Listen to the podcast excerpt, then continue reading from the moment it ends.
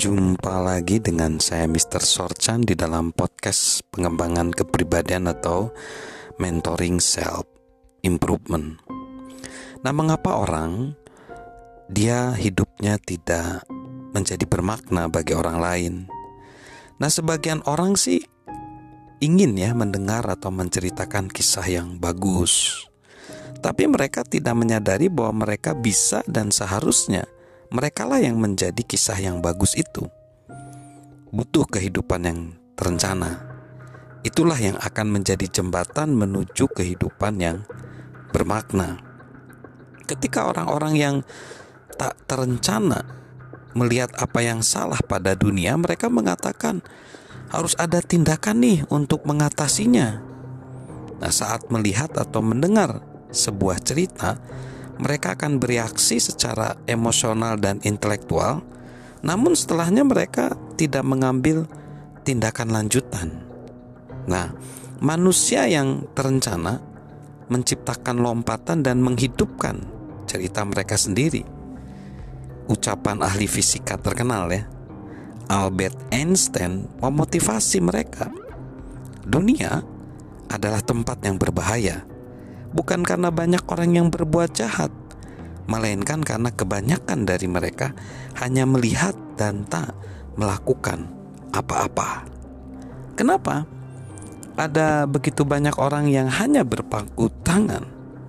Ini dikarenakan sebagian orang biasa melihat kesalahan dan menghakimi segala sesuatu di sekitarnya.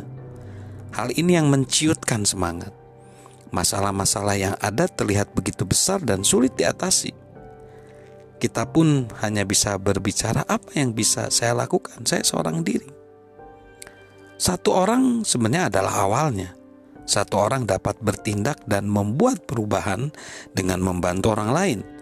Satu orang bisa menginspirasi orang lain untuk bertindak terencana dan seterusnya.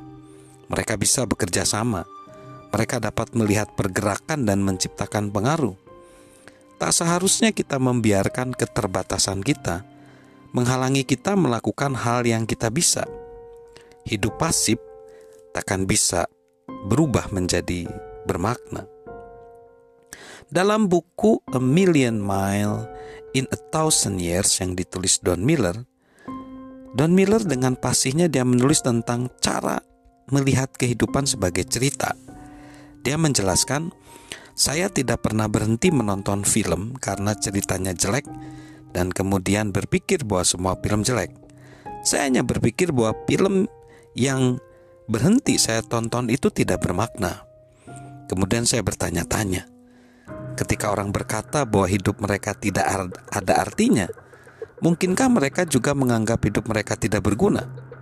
Saya penasaran apakah mereka telah menganggap keberadaan mereka tidak ada artinya, kemudian memproyeksikan kehidupan suram mereka pada orang di sekitarnya.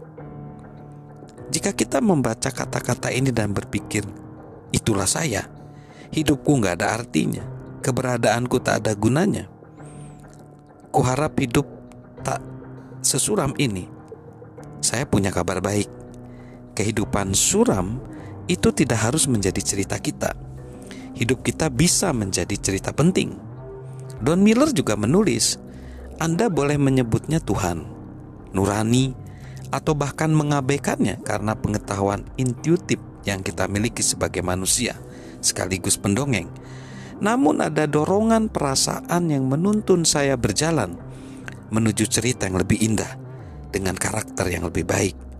Saya percaya bahwa ada penulis lain di luar diri kita yang senantiasa merancang kisah terbaik untuk kita, berinteraksi dengan kita, bahkan membisikkan kisah yang lebih baik dalam kesadaran kita. Apa pun keyakinan kita, saya akan memberitahukan satu hal. Jika kisah kita kurang bermakna tidak penting atau tak sesuai keinginan, kita dapat mengubahnya. Kita bisa mulai menulis cerita baru mulai hari ini. Jangan cepat puas karena berhasil menceritakan kisah-kisah penting. Jadilah karakter inti dalam kisah kita sendiri, dan mari kita ciptakan perbedaan.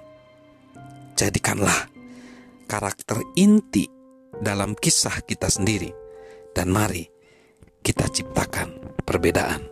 Salam merangkai cerita dan salam memberikan perbedaan untuk menebar kebaikan di bumi ini.